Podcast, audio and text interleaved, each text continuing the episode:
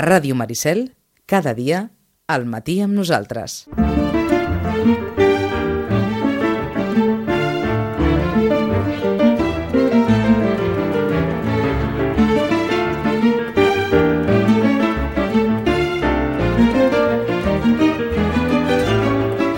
Fa 15 dies encara vivíem més o menys dels rèdits de Sant Jordi, de tot allò que no havia format part de les llistes d'èxits, d'èxits dels llibres més venuts.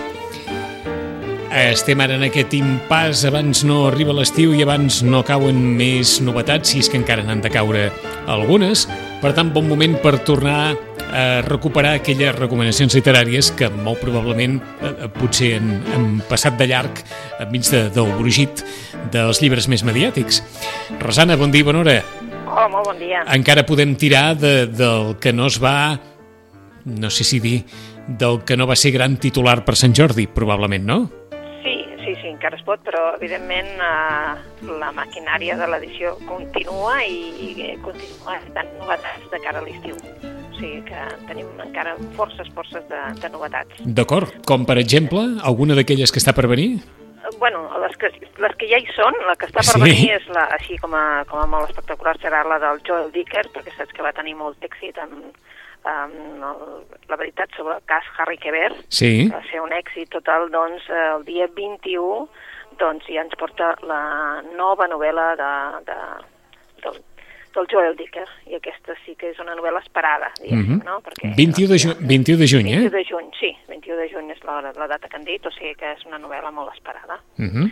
I bé, mm, altres novel·les que ja són aquí, us hem de dir que demà aquí a Vilanova, amb voluntat de comarca i de Barcelona i de tot plegat, en comptes d'aquesta vegada una mega superseller eh? de novel·la romàntica, ve a Vilanova a signar llibre. Ah, Us estem parlant de la Megan Maxwell. caram. La Megan Maxwell eh, és l'autora que per unitats de llibres ha venut més en el planeta en el darrer any. Que per unitats de llibres ha venut més en el planeta. Sí, sí, en l'editorial Planeta, en el conjunt Sí. d'editorials Planeta, és la que ha vengut més llibres Caram. per unitats. O sigui, que estem parlant, doncs, jo què sé, doncs, a l'Aramburu, no? Pàtria d'Aramburu, que és un dels llibres més venuts d'ell, del seu grup. Doncs mm, la Megan Maxwell la guanya, el guanya. És una novel·la romàntica, és una autora que té més de 30 novel·les ja de novel·la romàntica. Uh, estem parlant d'una autora que això és un pseudònim, ho hem de dir, és una autora que viu a Madrid, Sí. i que Megan Maxwell és un nom que ella es va posar en un moment donat. Ella escrivia per ella mateixa i, de, al final doncs, va decidir que potser, potser sí que volia publicar. Va començar a publicar amb una editorial petitona, en versàtil, i a partir d'aquí doncs, eh, ha anat publicant, publicant, publicant i té un munt de seguidores. T'haig de dir que les seguidores es diuen les guerreres Maxwell. Les guerreres Maxwell. Les guerreres Maxwell, sí, sí. És que, és que per qui ens escolti pensaran eh, um, allò que feien els grans estudis americans Sí. fa molts anys, els de cinema, que rebatejaven eh, els noms originals de les actrius per alguns que s'entenien més comercials, doncs ja ens diran vostès què és més comercial, si Megan Maxwell o Maria del Carmen Rodríguez de l'Álamo Lázaro Ah, exacte. Eh? que és el, eh? el, nom, el nom que hi ha, el nom original, darrere Megan Maxwell, Maria del Carmen Rodríguez de l'Álamo Lázaro. Jo també trobo que es fa bé, que és una mica llarg, tu ja veus que és una mica llarg, si ho vol dir tot, és una mica llarg. I eh, la veritat és que ella, bueno, va començar doncs, ja utilitzant aquest eh, nom. Ha obrat amb molta intel·ligència, eh? Sí, sí, sí, sí. Eh? Suposo que ben aconsellada per algú que no sabem qui, però ara l'editorial Essència està contentíssima, eh? que és una, dels, una de les editorials del grup Planeta, doncs està contentíssima de, dels èxits de la, de la Megan Masculin. Mhm. Us hem de dir que aquesta autora també és molt, molt, molt, molt, eh, molt activa a les, a les xarxes socials. Això també fa que té tants seguidors i, a més a més, les porta ella mateixa. És a dir. No és que tingui algú que li faci... No, no, no, no. Les vol portar ella mateixa i intenta contestar a tothom eh, que pot, vull dir, perquè suposo que jo, la veritat és que la xarxa social no m'he posat, però sí que tenim, ho haig de dir, aquí tenim una noia que una diguéssim, la més jove de la llibreria, que ens ajuda els caps de setmana, etc. Sí, que hi, està, que hi està molt posada, vaja. I està molt posada, eh? Vull dir, és una guerra de Maxwell, també. I la veritat és que quan m'ho ensenyo jo penso, mare de Déu, eh? Vull I, que és, és, I mèrit n'ha de tenir, perquè si fem cas a la llista d'obra publicada, no es pot ser més prolífic, perquè se'n facin vostès una idea, tres novel·les l'any 2017, se'n preveuen també tres aquest 2018, quatre novel·les l'any 2016, tres novel·les al 2015, s'ha de tenir veritablement una capacitat eh, una capacitat molt, molt forta eh, per poder desenvolupar aquesta creativitat i, aqu i aquesta obra tan prolífica ca cada any i que, les coses, i que les coses surtin bé. Eh, o sigui que... tingui les seguidores que li continuïn sent seguidores de debò, Sí, no? sí. I, vull dir, que, i que n'agafi més cada vegada, cada vegada agafa potser més públic més, eh, perquè això seria, eh, la gent normalment és de, de 30 en amunt, diguéssim, però en canvi està agafant seguidores molt joves, perquè la que jo t'estic parlant, la, la, la d'aquesta, la llibreria, només en té, ara en farà 20. Ah. Que, mm, saps? Vull dir, no és una Em, noia que... quina, quina raó li trobes? Uh, molt fàcil de llegir, Sí? Uh, no, no posa personatges d'aquells que dius, bueno, eh, això no, no ho has vist mai, és a dir, uh, són gent uh, molt, uh, diguéssim, molt que toca de peus a terra, que et pots... Bé, normalment són sempre gent, doncs, uh, no?, un advocat, un no sé què, però no, diferent de les novel·les aquestes, saps que la Daniela Steele, per exemple, posa gent que té un nivell social molt alt, Mm. Aquí, normalment, sí, però no. És a dir, són mitjans. A nivell social és mitjà. És a dir, per, problemes per, personatges quotidians, vaja. quotidians. I llavors els problemes doncs, són problemes que, doncs, que, que, que sí que poden passar. En aquest cas, en el projecte de mi vida, el que veus és una foto que dius, bueno, això no... Eh?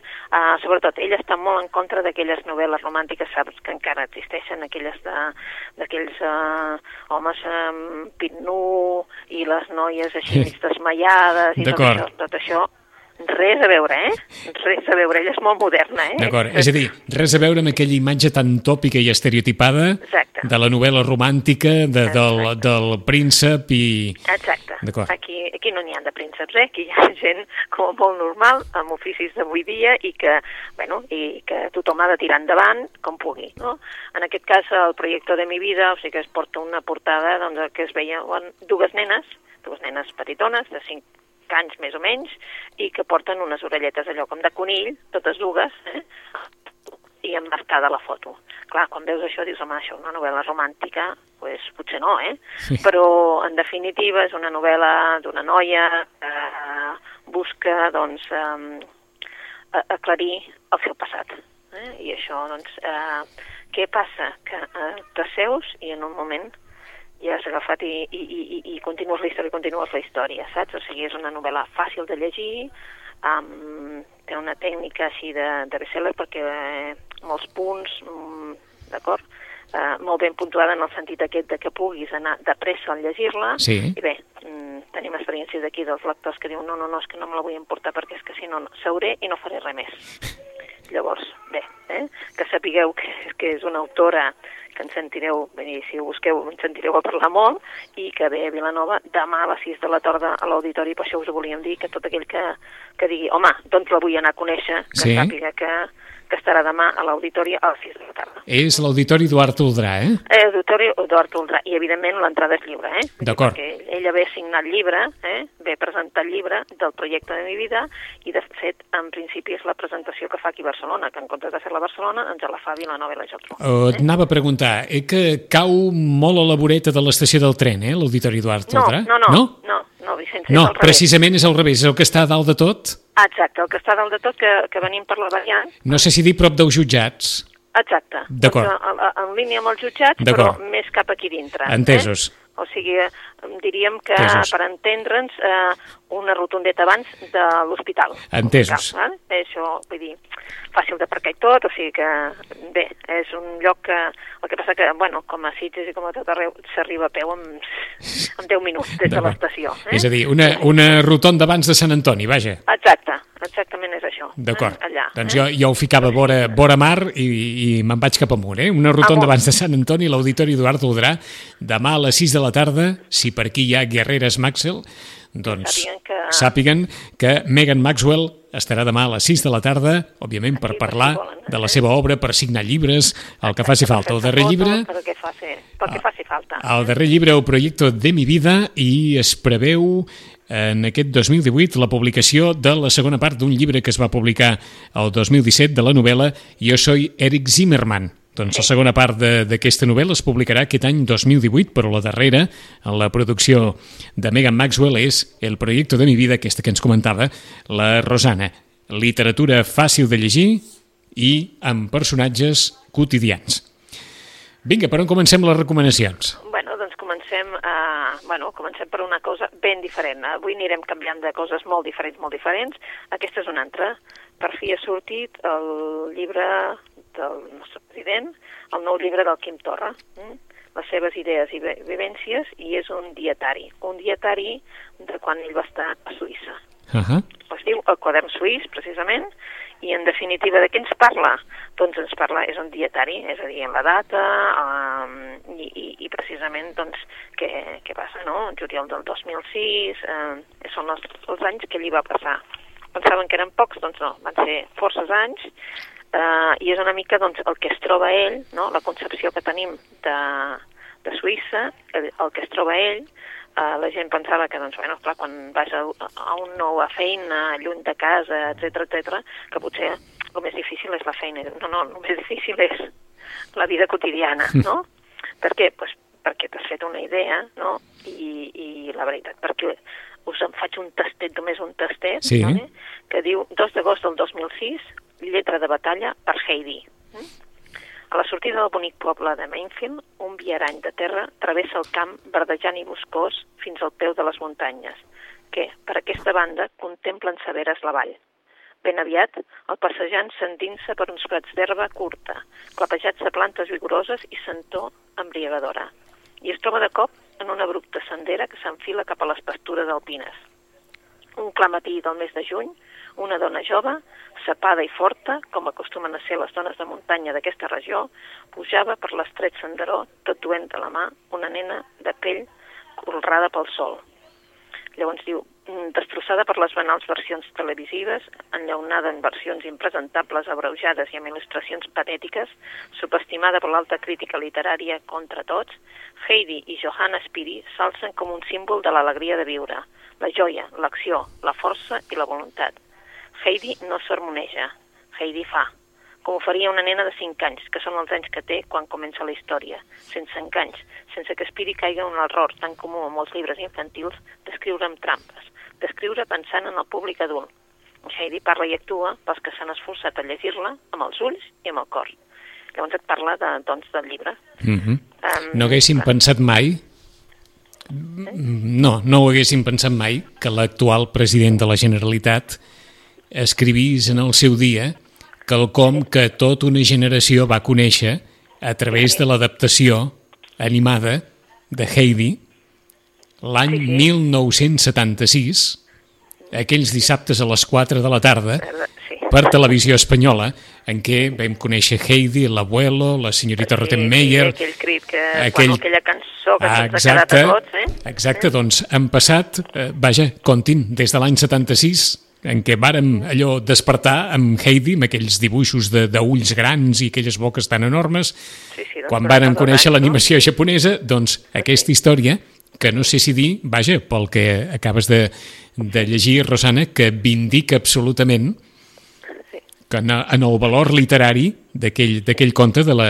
de la Joana Spiri. Ah, exacte. Diuen les notes de premsa d'aquest nou llibre de Quim Torra, que no és el primer llibre de Quim Torra, per aquells que diguin, ai, que és que escrivia? Sí, que escrivia, que és que és periodista. Doncs, en aquest cas, eh, l'editorial, el grup 62, diu que el president Quim Torra va treballar durant 18 anys per una companyia d'assegurances, els dos últims com a membre d'un equip internacional amb seu a Suïssa.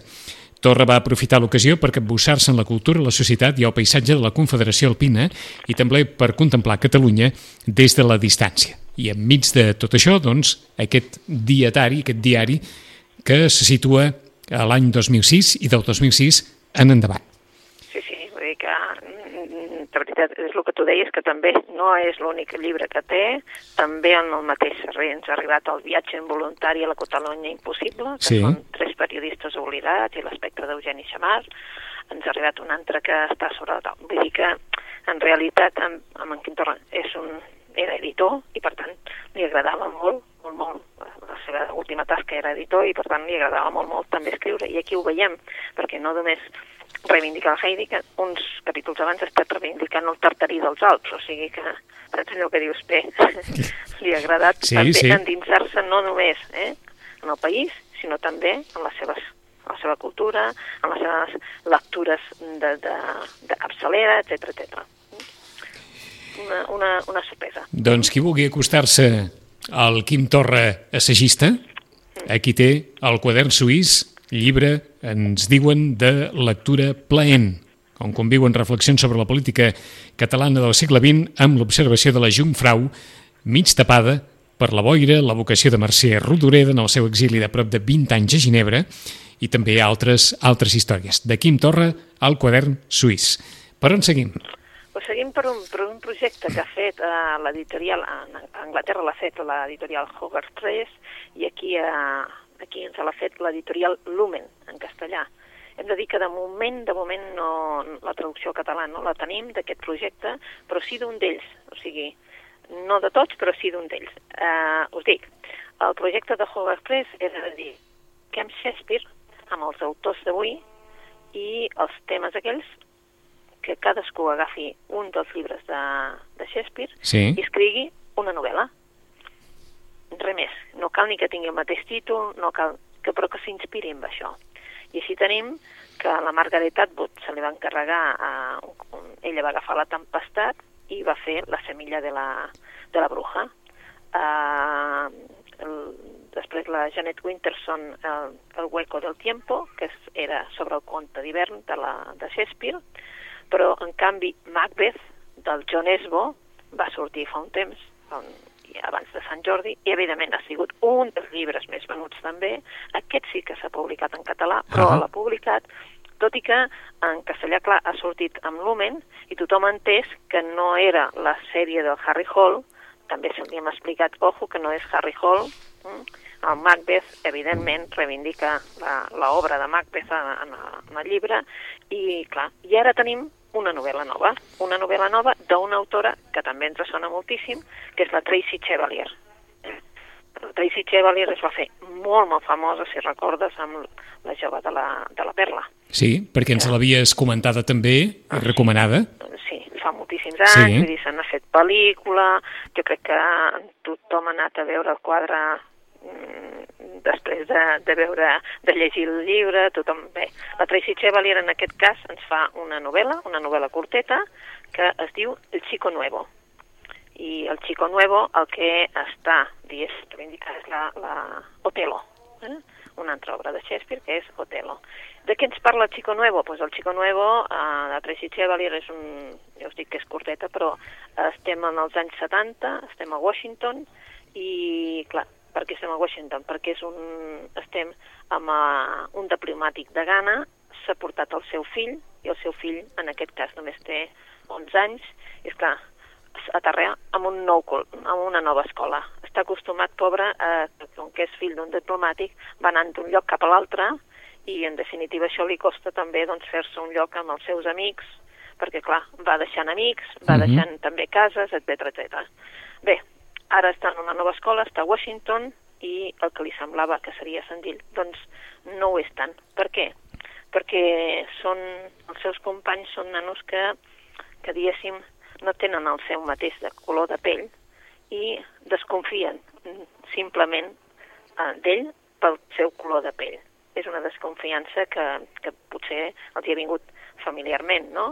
Llavors, eh, el que fa la Tracy Chevalier és una mica doncs, eh, posant-nos a la palestra doncs, per què tenim aquestes convencions, per què eh, disgreguem només per color de pell i com un nano d'11 anys es pot trobar en aquesta situació i de com ho ha de revertir tot.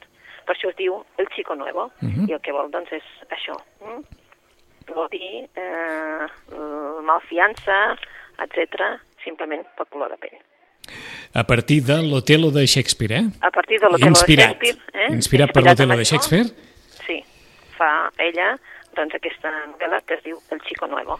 És un projecte doncs, que, que està duent Hogarth Press i que aquí l'ha recuperat l'Omen. Ah, doncs de l'autora de La jove de la perla, El Chico Nuevo de Tracy Chevalier, El Chico Nuevo acabat de, acabat de sortir. Per on seguim? Pues per un altre autor que potser sonarà amb alguns, eh? és un autor totalment recomanable, molt recomanable, perquè ja vam comentar una obra seva, Stoner, eh? de, parlem de John Williams. La seva nova obra és Més nit. Diem la seva nova obra um, aquí, perquè evidentment el John Williams uh, va morir, però aquesta va ser la primera obra del John Williams. Eh? i es diu Només nit. És l'obra molt curteta, però sota ja ens han posat, per si de cas, l'editorial 62 ja ens posa sota l'autor de Stoner. Per què? Mm. Perquè Stoner va ser una obra que a tot arreu, a tot arreu eh, va tenir molt d'èxit, a casa nostra també, l'editorial 62 la va publicar amb una portada preciosa d'un senyor llegint amb un, amb un sillonet, amb una, amb una làmpara de lectura i a més a més tot envoltat de llibres. Per què? Perquè Stone era una història, us la recordem perquè aquell que no, no la tingui i és en butxaca, és eh, en, val 8 amb 95, vull dir que se l'ha de comprar sí o sí, perquè és una obra en la que ens parla d'un personatge que en principi tu diries, no apostaries per ell perquè diries, home, no té sang, vull dir, potser que, que espavili, no? Un noi que viu en una diguéssim que viuen de la terra, els seus pares viuen de la terra, algú confia en ell, li diu, aquest noi ha d'estudiar, uh, aquest noi estudia, fa una carrera, entra en la universitat, uh, troba una noia que a ell li sembla que, se, bueno, que ja ho té tota la vida, perquè és que ja ho té tota la vida, no? comparat amb el que coneixia de petit, doncs ell ja ho té tota la vida, una criatura, una nena, i llavors amb ell ja sí que li sembla que ho té tot. Però les coses no són tan fàcils, no? Um, la seva dona li fa el buit, mm, no és el que ella pensava, i en canvi ell a la universitat és un tio que es comporta, que, saps, vull dir, que mai farà una cosa mal feta, però evidentment a la universitat mm, ens mostren la universitat tal com és, no? Uh, les travetes que pots tenir, la gent que vol passar per sobre, i fins i tot doncs, ell coneix amb una persona, una persona que se l'estimarà, però que evidentment per convencions socials no podrà fer res. Mm -hmm. És una història allò sorprenent, una història que mm, t'enamores del personatge i després també uh, va publicar un altre que era August, sobre la figura d'August. Eh? Aquesta ja és una novel·la doncs, sobre la història, però ara ens publica una novel·leta petita que es diu Només nit.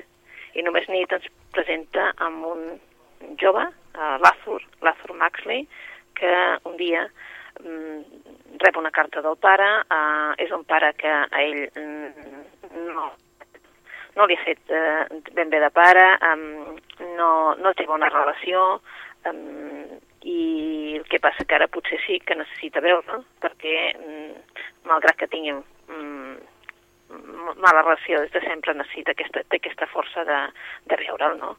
Um, es troba amb ell i l'Arthur, um, bé, uh, després d'això, um, alcohol, um, una nit horrorosa, uh, perquè és això, no? És impossible entendre'ns. Però hi haurà una dona, eh?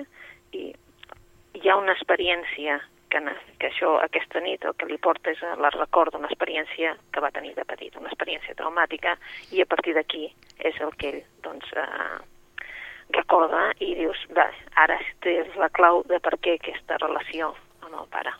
Només nit, eh? per aquells que vulguin una novel·leta curta, però intensa. Mm. Ens sembla que si algú es compra el pack eh, de Stoner i Només nit, eh, haurà de tenir al costat un, quelcom que el relaxi una mica, em sembla, eh? Sí, sí, sí, sí, sí? Però, però, però bé. Però, no, ho dic perquè ah, pel, pel que ens dius són sí. dues històries molt potents sí, són dues històries potents, sí, són dues històries que patir no pateixes, eh? Però No, no, no. són històries potents, són històries literàries, són històries que sembla que no, saps que no estigui, i, i, i et queda aquella sensació de dir, bueno, el personatge se't, se't queda en tu, Ahà. per sempre. Ho dic perquè a partir del que ens comentava sobre Només nit, gairebé ens recomanaries que, que qualsevol es comprés els dos, Stoner i Només sí, nit. Sí, sí, sí, un pack. Eh? Un pack, fes eh? Un pack, eh? Un pack per aquest estiu. Doncs si algú vol fer un pack de John Williams, res a veure amb el John Williams de les bandes sonores, No. eh? Eh, escriptor que va morir fa uns quants anys ja, va morir fa 24 anys, l'any 1994, va néixer i es va criar al nord-est de Texas, i precisament això hem de suposar que va, va marcar la seva personalitat eh, a l'hora d'escriure. Va col·laborar en diverses publicacions i emissores de ràdio. El 1942 es va llistar a contracor a l'exèrcit de l'aire, va passar dos anys i mig com a sergent a l'Índia i a Birmània i va aprofitar per escriure un esborrany de la seva primera novel·la i quan va tornar a casa va aconseguir que una editorial minoritària eh, precisament li, li publiqués. Quan estem parlant de Stoner estem parlant d'una novel·la que es va escriure l'any 65, el 1965. O sigui que, com deia la Rosana, d'alguna forma s'està recuperant Sí, una, una literatura que durant molts anys ha estat eh, eh, raconada o poc difosa, eh? Sí, molt poc difosa, molt Doncs- poc difosa. La veritat és que aquí vam recuperar Stoner a través de d'un editor també de fora i tots vam quedar, vaja, els llibreters vam quedar meravellats amb. Stoner, o sigui, és un dels nostres favorits. Eh? Doncs de John Williams, Stoner i, ara, acabat de sortir, Només nit. Més. Més, ara per relaxar, posarem una altra, posarem Vinga. una novel·la policiaca perquè ens faltava. Home, anava a dir, encara no n'ha sortit cap. No, eh? no n'ha sortit cap, però aquesta la, la, la diem amb un regustet de, de melangia, i t'ho dic per què. És de la Sue Grafton. Mhm. I bé, mm, clar, els que vam començar a llegir la Sue Grafton, ja fa molts anys que vam començar a llegir la Sue Grafton, perquè és la- l'autora de l'alfabet. És a dir, que va començar amb la A, eh? I ara aquesta és la Y Ah, i és la darrera, la darrera perquè se'ns va morir fa poc. Eh? Vull dir que ja no hem arribat a res més, aquesta és la Y, és la, la darrera eh, novel·la de, de la Sue Grafton, que s'acaba de, de publicar i sempre és el mateix personatge. o sigui que ha quedat, ha, ha quedat a una lletra de finalitzar tot l'alfabet. Exactament, ha quedat a una lletra de finalitzar-ho, sí. Va morir ara en el 2017, va néixer en el 40, i clar, eh, la veritat és que la- la- l'alfabet en anglès tots són eh, noms de, relacionats en el món de la, del crim, Sí. de l'advocacia, etc. Clar, nosaltres hem, hem fet el que hem pogut, eh? perquè clar, traduir-ho al castellà... És, imp eh, és impossible. és impossible, saps? Vull dir, clar, llavors, um, clar, uh, aquest sí que realment ha sigut el darrer, i sí que és el mateix, Y de Yesterday, o sigui, aquest sí que eh? però clar, ells, nosaltres vam començar amb la A d'adulteri, quan en anglès no era així, era Alibi, i, i, i així continuàvem, eh? Però bé, en realitat, um, cada vegada que tu comences una d'aquestes novel·les no cal que hagis llegit les altres, si les has llegides perfecte, però Sí. en un moment donat de la novel·la la, la Sue Grafton el que fa és parlar-te de la detectiu Kinsey Milon i els personatges que l'envolten. És una dona que havia estat policia, ha tingut eh, relacions, alguna relació amb policia, relacions personals, ella viu sola, eh, la seva mare va morir i la va criar a partir dels 5 anys la seva, la seva tieta, d'una manera doncs, que li ha donat una educació, li ha donat també una manera de veure la vida, però sempre, mm, diguéssim que no ha tingut família al costat. Això fa que tingui un rebuig cap a família, o sigui, a, a fer una família. Sí. Qui és la seva família? Pues és la Rosie, que és una senyora gran que té una, una, un, diguéssim, una casa de menjars, per dir-ho d'alguna manera. Ara, això sí, ella fa el que li ve de gust, ella és polaca, i fa el que li ve de gust, i tu quan vas allà no pots menjar el que tu vulguis perquè ella et, diu el que has de menjar, saps? Però és com una petita família, i qui li ha llogat l'estudi on viu la, la Kinsey és un senyor gran, el Henry, que té també un germà, el William, mm, tots dos ja són nonagenaris, eh? vull dir que, déu nhi eh? Aquest senyor el Henry ja té 90 anys, vull dir que són com una petita família, són la seva petita família, o sigui, ella vigila que, que hagi sortit el Henry de casa algun temps, saps? Vull dir que no, que no sigui allò que diguis, ostres, no l'ha vist en tot el dia, sí. O sigui, ella vigila que hi hagi llum o que, saps? Que hi hagi un control i d'alguna manera es controlen, però no es controlen, o sigui, es respecten però se saben de l'un de l'altre perquè així doncs, sigui una manera doncs, de, que, no? de que tothom... És aquesta petita família que no és família. Sí. Llavors, aquí el que li passa amb la Kinsey és que no sap si acceptar el cas, és un cas bastant eh, compromès perquè hi ha un noi, eh, és, va passar alguna cosa amb una, diguéssim, una acadèmia, un institut, eh, va morir una noia, mm? va morir una noia eh, assassinada, eh, i hi havia una cinta de vídeo, allà en aquesta noia assassinada doncs, hi ha un noi d'una família mitjana alta que ha anat a parar a la presó i ha pagat la culpa, però un dels, l'inductor de tot això ha marxat. Ha fugit des d'aquell dia i no se li ha tornat a veure. L'FBI l'està buscant des d'aquell moment. Ara ja han passat 10 anys, aquest noi era menor, es, van, es va el van, eh, diguéssim, condemnar com a menor i, per tant, ara, després de 10 anys que ja, ara està, ja surt de la, de la presó. Què passa? Que ara eh, la família rep una, una amenaça de que sortirà una cinta, una cinta de vídeo que la mare, abans de que passés tot, havia vist i havia quedat horroritzada, en el que tres nois s'aprofitaven, un, la seva, el seu fill, s'aprofitaven d'una noia, una noia que, doncs, que anava borratxa, que els provocant, però que en definitiva ells s'aprofitaven i la violaven. Clar, aquesta cinta ha desvergut, va desaparèixer sí. i ara l'estan extorsionant. Ell ha de trobar qui és, perquè, és clar, si ara es troba la cinta, aquell noi torna a la presó i ara sí que tornarà de debò, eh? perquè el, el condemnaran com a adult. Um, és un cas en el que doncs, es barreja doncs, els anys anteriors, el 79 i el 89, que és quan ara ja representa que el, el temps de la novel·la és el 89, i bé, és una novel·la molt entretinguda pels que no n'hàgiu llegit, és com si veiés una sèrie d'aquestes policiaques de la saga, però uh, clar, la diferència és que estem a l'any 89, per tant, moltes de les coses que tenim ara per, uh, per trobar, eh, per trobar des d'ADN i tal, encara no les teníem. Eh? I per tant, això fa que la deducció, eh, trobar-se aquesta intuïció de la Kinsey sigui molt important per resoldre el cas. Mm -hmm. Una història molt interessant, la de Sue Grafton. Eh, hi ha molts diaris que, que l'han explicada, entre altres coses, eh, El País fa referència a una entrevista que, que havia fet amb ella fa, fa tres anys, i ella mateixa deia que no s'havia cansat mai d'iniciar aquesta aventura de, de l'alfabet, però que havia viscut sempre amb por a, a cansar-se. I ella deia que era una responsabilitat molt gran perquè estava competint amb ella mateixa i lluitava per no repetir-se, per no repetir històries, per no repetir metodologies i deia, fa tres anys, quan acabi, quan acabi aquesta sèrie, estaré molt alleugerida d'haver sobreviscut. He après moltíssim sobre l'ésser humà, sobre lleis, crims i venjança, i tot gràcies al meu viatge personal per sobreviure a la meva pròpia histèria i angoixa. Ha estat un repte apassionant i una gran lliçó. Doncs la lliçó ha quedat eh, a una lletra de l'alfabet, a la lletra final de, de l'alfabet, però eh, amb la d'una dona de conviccions, eh, perquè després ella explica que mai ha volgut que Hollywood adaptés cap novel·la, perquè ella també comentava que la que un dòlar va passar a mans dels productors de Hollywood ja has perdut qualsevol capacitat de poder eh, influir o administrar el contingut d'allò que acabarà eh, a la pantalla. I per tant que ella sempre havia rebutjat això, tot i que li hagués portat uns beneficis econòmics, òbviament, enormes.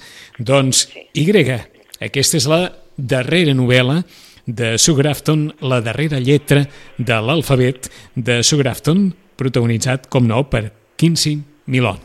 Ens queda temps per una recomanació més, Rosana. Bé, doncs aquesta la recomano així entre cometes perquè jo l'acabo de començar i per tant no sé massa, però sí que eh, recordeu que fa, potser un any o un any i poc més vam recomanar aquí eh, un llibre que era un llibre de 800 o 900 pàgines, em sembla que tenia, que es deia Tan poca vida.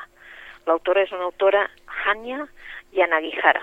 Eh? Té un nom així, és de Los Angeles, de Califòrnia, però clar, els seus pares són de... Ja es veu que ella és com a... saps allò, de rasgues eh, doncs, eh, malacis o, o una cosa així. Hanya Yanagihara eh, ens presenta ara La gente en los árboles. Eh? i torna a ser, si aquella era punyent, era dura, era una novel·la de supervivència d'un noi que no s'estimava a si mateix, uh, que era també una novel·la sobre l'amistat, sobre el valor de l'amistat quan ja tens més de 30, qui t'ajuda, qui no t'ajuda, de com uh, la gent no només et pot adoptar quan tens 4 anys, sinó també quan en tens 25. Eh? I, I era una novel·la preciosa, eh? i també centrada en el món universitari. Uh -huh. Ara ens porta una novel·la, uh, una novel·la molt dura, eh? també ho vaig dir, perquè hi ha gent que em va dir uh, uh, uh, perquè clar, era, havia de superar escenes molt dures de, doncs, de, de que aquest noi ha sofert d'abusos, etc etc des de molt petits. Eh? No, no s'ha estimat, ni, ni l'han estimat ni s'ha estimat. Ara ens porta una novel·la que es diu La gente en los árboles, eh? i eh, bueno, és una, una novel·la en què se n'anem a l'any 50, que hi ha un doctor, un metge d'Estats de, Units, que se'n va cap a una illa de la Micronèsia eh, a, a, a buscar una tribu, una tribu que sap ell que existeix, i ella comença a investigar. Amb la seva investigació el que, el que aconseguirà és el Premi Nobel. Un Premi Nobel per uh, haver aconseguit doncs, saber com eh, aquella tribu aconsegueix ser extremadament gran, és a dir, arriben molt, molt grans, eh, a morir molt grans. Llavors, clar, eh, ell, com que hi va molt en aquesta illa, acaba adoptant a 43 nens de la illa. Eh? Llavors, clar, eh, per què? Pues la majoria per rescatar-los de la pobresa, eh? però ara estem en l'any 1995, és a dir, estàvem als 50, estem al 95, i un dels nois el denuncia per abusos, abusos sexuals. Clar, ara ens trobem amb el doctor, mm, el doctor que a instàncies d'un col·lega seu, que el col·lega doncs, al començament ja t'explica doncs, que confia totalment, plenament amb aquest, eh, amb aquest metge i per tant que és mentida, que tot és mentida, però en definitiva el que fa per no tornar-se boig i per, doncs, i per trobar una mica de sentit estar a presó, doncs el que fa és unes memòries per recuperar eh, el seu prestigi i, a més a més, demostrar la seva innocència. Uh -huh. És una història doncs, d'això, eh? d'ambició, eh?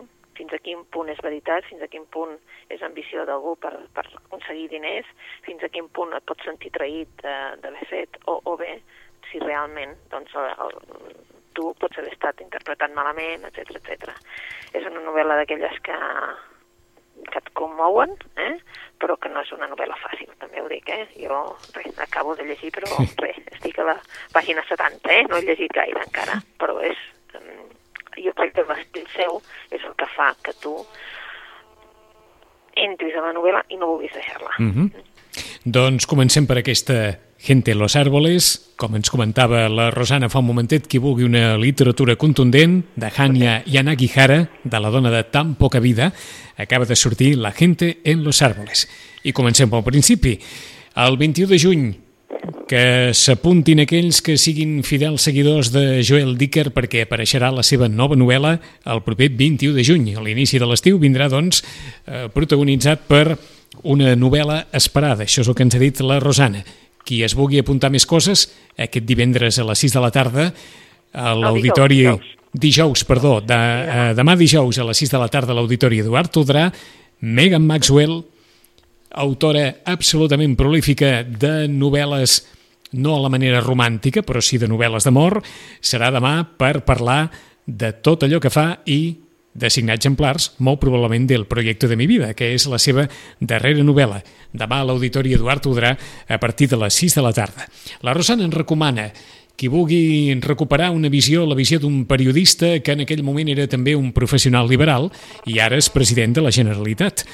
El quadern suís, aquesta és la obra de Quim Torra que presenta edició en 62 i per tant qui vulgui situar-se també en aquesta, en aquesta descripció de la Suïssa de quan ell hi estava treballant, que s'hi posi, de Quim Torra al quadern suís. Dins de tot un projecte que ha portat a més d'un autor reconegut a inspirar-se en Shakespeare i a desenvolupar novel·la a partir d'això, de Tracy Chevalier, de La jove de la perla, hi ha una novel·la feta a partir de la inspiració de l'Otelo de Shakespeare. La novel·la es titula El Chico Nuevo i explica la dificultat d'adaptació del fill d'un diplomàtic de Ghana quan arriba a Washington i ha d'anar a l'escola. El Chico Nuevo. La Rosana també en recomana de John Williams Només nit i si vostès no han llegit Stoner, recomana els dos, Stoner i Només nit. Literatura contundent, dura, però sensacional, recuperada, com comentàvem fa un momentet, d'un oblit injust.